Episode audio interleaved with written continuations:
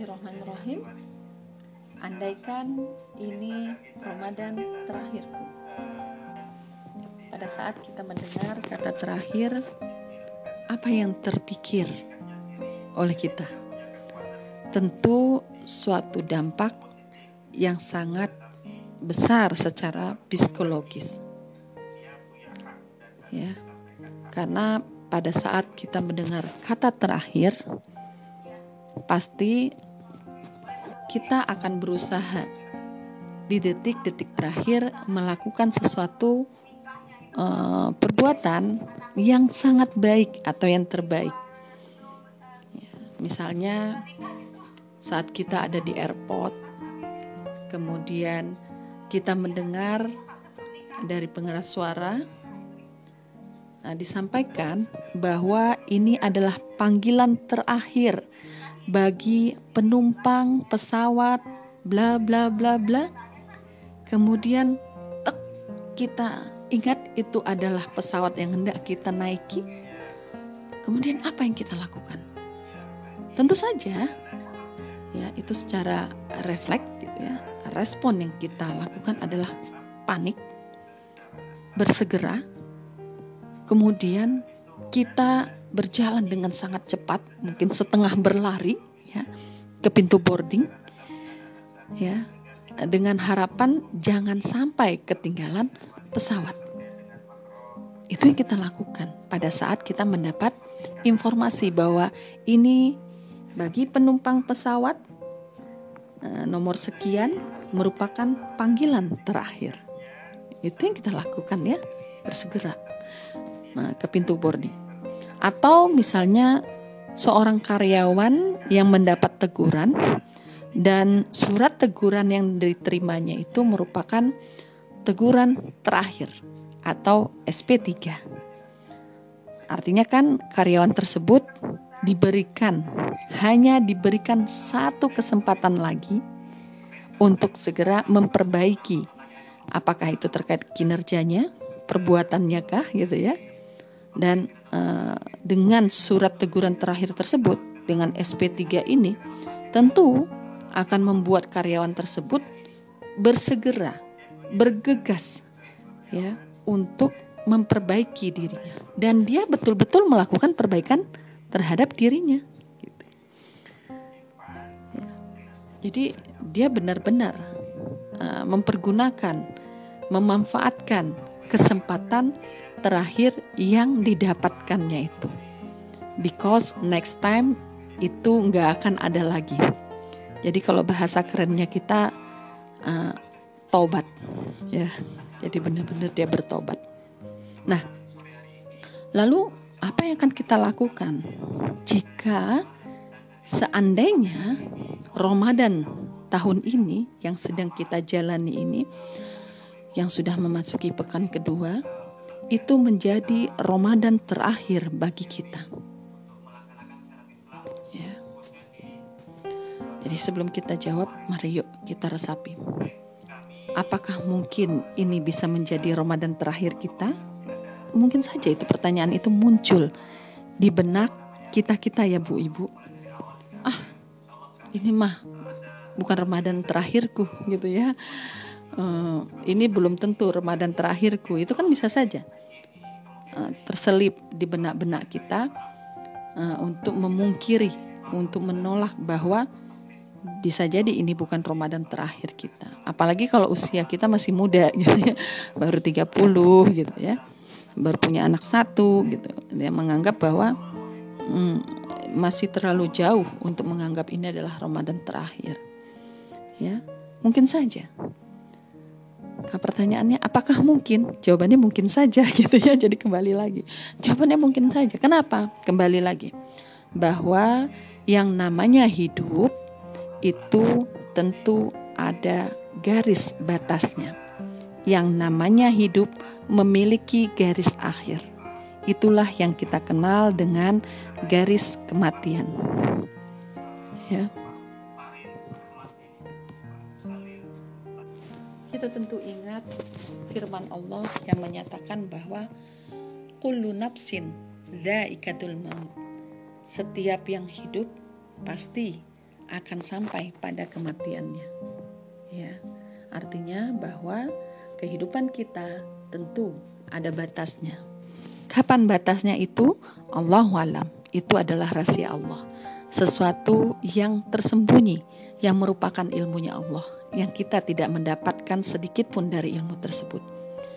Ya, tiap waktu, tiap menit, tiap uh, detiknya kita yang kita lalui itu semakin mendekatkan kita pada garis uh, finish kehidupan kita, yaitu kematian.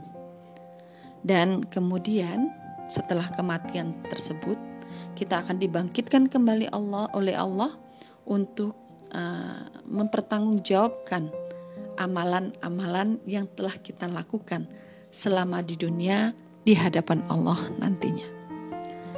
Dan kematian ini tidak akan melihat kondisi kita saat ini. Apakah kita masih muda? Apakah kita uh, sehat? Ya, apakah kita dalam kondisi bugar, dalam kondisi sibuk? Oh ya Allah, sorry, maaf ya Allah, tunda dulu. Saya masih sibuk, masih punya planning-planning, misalnya seperti itu ya. Ternyata tidak.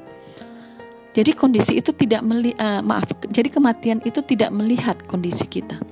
Kematian itu bisa datang kapan saja.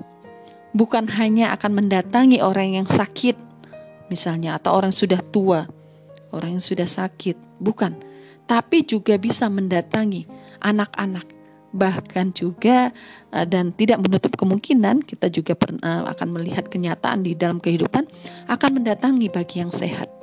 Nah, belajar dari kenyataan ini uh, yang sering hadir dalam kehidupan kita, dalam pandangan kita yang sering kita lihat, ya, kita bisa melihat, misalkan seseorang yang sudah sekarat, ya, seseorang yang sakit dan sakitnya itu sudah sekarat, terbaring di ruangan ICU gitu ya dengan seluruh tubuhnya yang dipasang dengan bermacam-macam selang gitu ya kemudian kita yang melihatnya tentu sangat merasa betapa menderitanya dia gitu ya Masya Allah. Ya Allah ya. Kemudian timbul pertanyaan pada kita. Ya, apakah uh, ada jaminan bahwa dia akan meninggal ya pada saat kondisi seperti itu dia segera akan meninggal. Ternyata tidak. Jadi belum pasti. Huh? Belum pasti. Bahkan bisa jadi yang sehat yang nunggui yang Allah panggil lebih dulu. Astagfirullah ya. Bisa jadi seperti itu. Ini artinya bahwa kematian itu selalu mengintai kita. Sesuatu yang kita tidak tahu kapan waktunya. Dia selalu ada di sekitar kita. Nah, dari sini kita belajar. Dari sini kita belajar. Kita juga melihat uh, fakta-fakta yang sudah terjadi tahun kemarin, Ramadan tahun kemarin. Ya, kita bisa lihat tepatnya pada tanggal 17 Ramadan, guru kita um, Ustadz uh, Arifin Ilham dipanggil oleh Allah dan tidak menutup kemungkinan Ramadan tahun ini bisa saja yang meninggal itu, yang dipanggil oleh Allah itu adalah salah satu dari kita. Mungkin saya atau mungkin salah satu dari ibu-ibu siapa? Allah alam. Atau kita bisa lihat Idul Fitri dua tahun yang lalu Allah memanggil Ustadz Hari Mukti, ya. Atau Idul Adha tahun kemarin, ya, Mbah uh, Maimun Zubair yang kemudian menghadap kepada Allah. Artinya bahwa sesuatu itu yang berkaitan dengan kematian itu adalah pasti. Hanya saja kapan waktunya itu yang tidak pasti. Nah, yang tidak pasti ini harusnya menjadi persiapan kita, menjadi sesuatu yang kita jaga agar pada saat kedatangannya kita dalam kondisi baik-baik saja, dalam kondisi uh, penuh dengan keridoan dari Allah Subhanahu wa taala. Ya. Jadi kita nggak akan pernah tahu uh, kapan kematian itu akan datang. Ada di saat orang sedang tertawa, sedang bersuka cita gitu mungkin dalam uh, pesta pernikahan anaknya atau yang lagi nikah di depan uh, lagi bersanding tahu-tahu ya, jatuh gitu ya Allah uh, cabut nyawanya di saat itu atau pada saat berbuka uh, tiba-tiba Allah cabut nyawanya? Atau bisa jadi pada saat lagi foto-foto selfie makanan nah, belum sempat dia membaca doa buka puasa Allah sudah panggil gitu ya. Uh, masya Allah kita nggak tahu kapan itu terjadi. Dan kematian itu kita sangat yakin pasti datangnya ya. Masya Allah. Maka uh, dari kita pada saat kita meyakini, pada saat kita mengetahui bahwa kematian itu adalah sesuatu yang pasti, hanya waktunya yang saja yang tidak pasti, yang belum kita ketahui dalam arti ini, maka tentu kita akan menjadikan Ramadan tahun ini menjadi Ramadan terakhir kita. Ya. Lalu, ibu-ibu yang disayangi oleh Allah, itu menjadi pertanyaan bagi kita. Jika Allah sebutkan dalam Ali Imran ayat 185 tadi, kullu nafsin zaikatul maut gitu ya. Bahwa setiap yang bernyawa itu akan merasakan mati. Wa innama tuwaffawna ujurakum uh, dan hanya pada hari kiamat sajalah ujurakum yaumal kiamah dan pada hari kiamat sajalah faman zuhziha anin nar uh, mereka mendapat balasan apakah mereka dijauhkan zuhziha. Anin nar dijauhkan dari nar dari neraka wa ud uh, khilal jannah atau dimasukkan ke dalam surga. Faqad sungguh ya dikatakan oleh Allah faqad sungguh faza ya yang demikian itu. Uh, wamal hayatud dunya uh, dia memperoleh kemenangan. Jadi jikalau dia masuk ke dalam surga, maka sungguh pada hari itu dia mendapat kemenangan. Ya. Uh, dan dikatakan bahwa uh, wa mahayatud dunya ban dan uh, sungguh kehidupan di dunia itu illa uh, mata'ul uzur kecuali untuk bersenang-senang dan benar-benar uh, adalah sesuatu yang memperdayakan. Ya disampaikan oleh Allah seperti itu. Artinya bahwa uh, kita diingatkan oleh Allah bahwa setiap yang bernyawa setiap yang hidup itu pasti pasti akan mendat uh, akan ada azalnya. Akan ada kematian baginya. Dan di hari kiamat nanti baru dia akan mendapatkan balasan dari uh, apa akan mendapatkan balasan yang sempurna dari amal perbuatan yang telah dilakukannya di dunia pada saat itu. Dan Allah menyampaikan bahwa kehidupan di dunia itu adalah uh, sesuatu yang menyenangkan, tapi kalau tidak berhati-hati akan menjadi sesuatu yang memperdayakan bagi kita. Ya. Nah, itu Allah sampaikan pada kita terkait dengan urusan dunia kita. Begitu juga pada saat kita menjalani Ramadan ini. Kita berharap uh, kita menjalani dengan penuh uh, ketakwaan, dengan penuh ketaatan, maaf kepada Allah Subhanahu wa taala. Karena tadi kita meyakini bahwa kullu nafsin zaikatul maut, kita nggak tahu kapan matinya, kapan meninggalnya kita, kapan dipanggilnya oleh Allah uh, diri diri kita. Ya, maka dari itu pada saat kita menjalani kehidupan di dunia ini kita akan selalu waspada. Jangan sampai amal perbuatan kita justru uh, menjerumuskan kita, mendorong kita. Amal-amal tersebut mendorong kita ke dalam api neraka.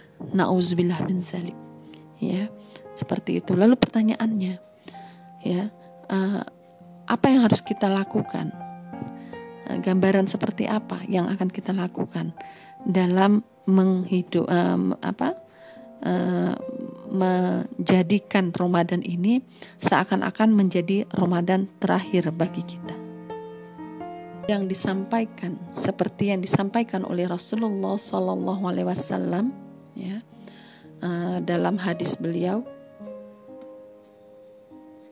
dalam hadisnya beliau menyampaikan bahwa uh, idza kunta idza kunta fi salatika fasalli salata muwaddi'in.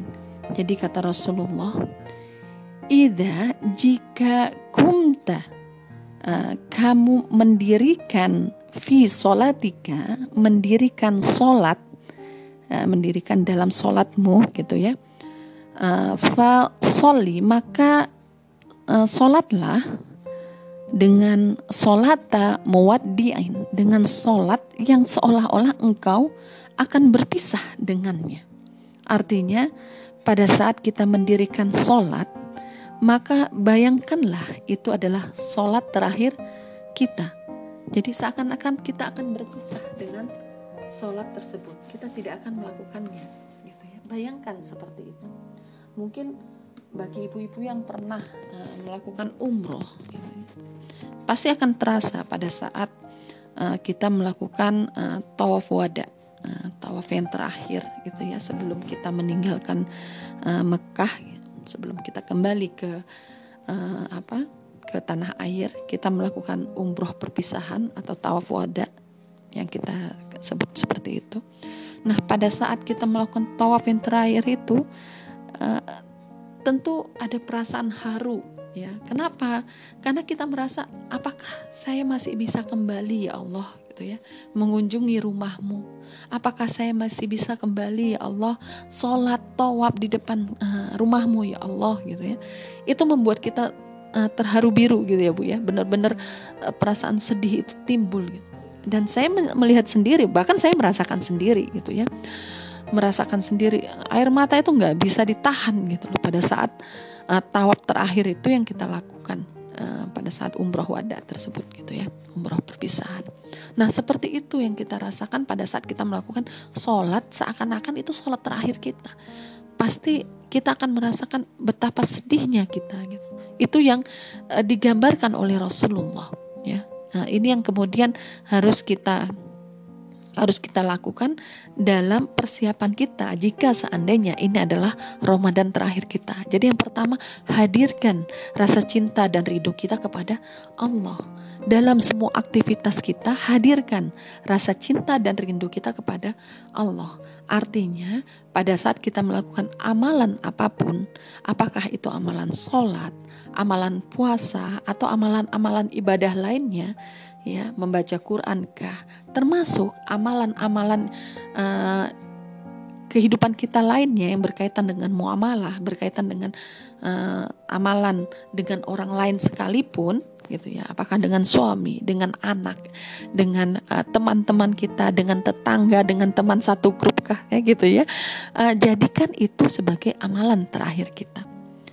Ya pasti Eh, kalau itu yang terbayang di benak kita itu sebagai amalan terakhir kita, kita akan selalu berusaha untuk berbuat baik kepada mereka, untuk melakukan amalan yang terbaik kepada Allah, ya. Karena kita uh, kita sangat yakin bahwa itu adalah yang terakhir gitu ya, karena kita merasa itulah yang terakhir, pasti kita akan melakukan yang terbaik, gitulah, ya seperti itu, dan uh, apa?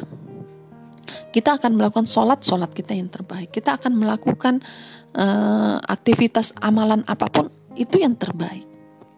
Ya amalan-amalan yang terbaik prestasi-prestasi yang terbaik ibadah-ibadah yang terbaik. Itu yang kita lakukan. Jadi kata ulama itu, seandainya ahli kubur itu diberi kesempatan untuk kembali, maka mereka menginginkan kembali di bulan Ramadan, gitu ya. Karena yaitu Ramadan yang penuh berkah, penuh rahmat, penuh mahfirah. Ramadan yang mulia ini, gitu ya, bulan yang sangat mulia itu uh, tentu akan berlomba-lomba orang menginginkan hadir kembali atau bisa bisa mendapatkan bulan tersebut. Ya. Nah, sekarang kita ada di bulan ini. Apakah kita menyia-nyiakan uh, bulan yang dikejar oleh uh, orang gitu ya. Bahkan yang sudah mati pun berharap bisa dihidupkan kembali di bulan Ramadan. Ya begitu dikejarnya. Sekarang kita dihadirkan diberi kesempatan oleh Allah untuk hadir dalam bulan ini. Terus apa yang kita lakukan? Ya memang setiap orang dalam menyambut Ramadan itu akan berbeda-beda. Ada yang mengeluh ya Ramadan lagi gitu ya.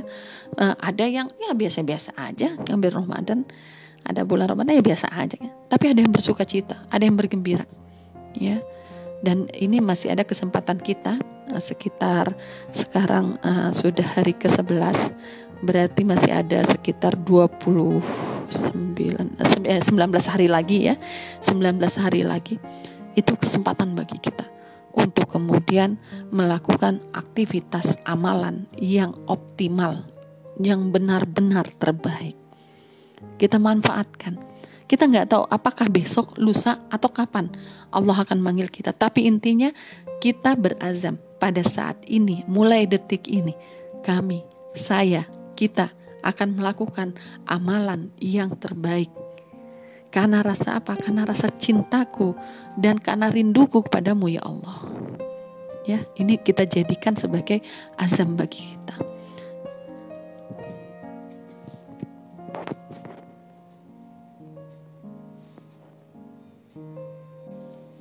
Ibu-ibu. Ada satu hadis yang memotivasi kita untuk bisa melakukan amalan yang terbaik. Yang mana uh, apa? Ini pernah uh, disampaikan jadi dalam suatu hadis Rasulullah mengatakan amanta. Jadi para sahabat gitu ya bertanya kan karena saat mereka berkumpul jadi kisahnya seperti itu. Pada saat mereka berkumpul uh, sahabat heran uh, mendengar Rasulullah tahu-tahu mengucapkan amin. Nah, pada saat itu kemudian sahabat bertanya, ya, amanta ya Rasulullah, ya, uh, amanta, apa yang telah engkau ucapkan ya Rasulullah, gitu kan. Kemudian Rasulullah berkata, Ja'ani telah datang kepadaku Jibril, uh, Jibril, fakola kemudian uh, berkata, jadi kemudian uh, Jibril berkata, uh, kata Jibril bu dan liman adroga Ramadana falamma yughfar lahu. Jadi kata Jibril bu dan liman adroga uh, celakalah orang celakalah liman bagi orang adroka yang telah uh, menjumpai Ramadana bulan Ramadan. Falamma uh, nah uh, kemudian dia tidak gitu ya yuk yughfarlahu uh, tidak diampuni. Ya artinya dia tidak melakukan aktivitas yang optimal gitu ya bukan yang terbaik malah tidak mendapat pengampunan dari Allah kemudian Kultu, kata Rasulullah, kultu, kemudian aku mengaminkannya. Amin. Itu jadi itu yang disampaikan oleh Rasulullah terkait dengan yuk di bulan Ramadan ini lakukan yang terbaik. Jangan sampai malaikat kemudian mendoakan, menyatakan uh, bu dan liman adroka celakalah bagi orang-orang yang telah didatangi Ramadan bulan Ramadan, tapi dia tidak diampuni oleh Allah. Nauzubillah min zalik. Jangan sampai itu adalah kita. Maka ayo, selagi Allah masih kasih kesempatan pada kita, mari kita manfaatkan bulan Ramadan ini dengan sebaik-baiknya. Nah, ya, kita jadikan uh, apa aktivitas kita adalah aktivitas yang terbaik di bulan Ramadan ini. Hmm. Kemudian uh, pada saat kita melakukan aktivitas yang terbaik, kita penuhi semua seruan Allah. Mana yang wajib kita kerjakan, karena uh, yang wajib itu adalah sesuatu yang Allah perintahkan dan Allah murka kalau kita tinggalkan. Solat adalah perintah yang wajib dari Allah. Kerjakan dan penuhi. Jangan ada yang bolong-bolong lagi. Kalau dulu bolong, sekarang tidak ada lagi. Jadi penuhi menjadi amalan yang terbaik. Kemudian menutup aurat, tolabul ilmi, belajar ya dan kemudian juga apa yang Allah haramkan kita tinggalkan. Sudah saatnya kita tinggalkan itu semua. Ya, perbuatan-perbuatan yang diharamkan oleh Allah. Kemudian kita tambah amalan-amalan kita dengan perbuatan-perbuatan ibadah nafilah ya. Kemudian juga uh, itu yang disampaikan terkait apa yang harus kita lakukan pada saat di bulan Ramadan. Pertama, hadirkan cinta kita kepada Allah, ya, uh, dalam melakukan aktivitas kita benar-benar melakukan aktivitas yang terbaik. Kemudian selanjutnya yang kita lakukan yaitu tadi lakukan aktivitas yang terbaik, benar-benar yang terbaik, ya. Nah, uh, dan untuk penutup dari pertemuan kita hari ini, di penghujung Ramadan ini tinggal 19 hari lagi, ya walaupun tinggal 19 hari lagi, ayo kita tingkatkan amalan terbaik kita. Jadi tidak ada salahnya kita terus melakukan koreksi, perbaikan diri, terus kita melakukan evaluasi. Ya, usahakan setiap malam kita melakukan muhasabah. Uh, ya Allah, apakah uh, di malam dia setiap malam kita melakukan muhasabah di dalam sholat lail kita kita koreksi diri kita dalam sehari apakah kita sudah melakukan amal-amalan terbaik kita kepada Allah gitu ya kita lakukan introspeksi muhasabah. Kemudian amalan apa yang belum kita optimalkan? Ayo kita optimalkan di bulan Ramadan ini. Ibadah apa yang masih minim? Ayo kita tingkatkan di bulan Ramadan ini ya. Kemaksiatan apa yang masih kita lakukan di bulan Ramadan ini? Yuk kita tinggalkan Ya, sudah saatnya kita berubah. Jadikan Ramadan ini sebagai momentum perubahan pada diri kita. Ya, untuk uh, itu tadi untuk men, uh, apa? memenuhi janji Allah bahwa uh, Ramadan itu akan menjadikan kita kaum muslimin setiap diri kita itu menjadi individu-individu yang uh, takwa yang akan kembali lahir dalam keadaan suci, dalam keadaan fitrah gitu ya sesuai dengan fitrahnya. Maka yuk kita berubah. Masih ada kesempatan yang Allah berikan. Jangan sampai Ramadan ini berlalu kemudian kita baru sadar bahwa kita sudah berpisah darinya. Ya, jangan sampai dan jangan sampai juga uh, kemudian kita berangan-angan ternyata ah masih ada Ramadan tahun lalu. Mungkin kita tidak akan bertemu ya Ramadan dengan Ramadan tahun yang akan datang. Ya Allah alam kalau seandainya Allah menakdirkan kita tidak bertemu ternyata kita lebih dulu dipanggil oleh Allah. Ya itu adalah sesuatu yang merugi. Masih ada kesempatan di bulan Ramadan ini. Mari kita perbaiki terus uh, diri kita, kita ibadah kita dan kita perbanyak terus amalan-amalan terbaik kita. Ya sebagai bentuk cinta kita uh, kepada Allah dan rasa rindu kita kepada Allah. Lebih dan kurangnya saya mohon maaf. Wabillahi taufik walidayah. Wassalamualaikum warahmatullahi wabarakatuh. Dan untuk keberkahan uh, forum kita, mari kita tutup dengan istighfar, kafaratul majelis dan hamdalah. Astaghfirullahalazim, astaghfirullahalazim, astaghfirullahalazim. Subhanaka Allahumma wa bihamdika asyhadu an la ilaha illa anta wa astaghfiruka wa atubu ilaik. Terima kasih. thank you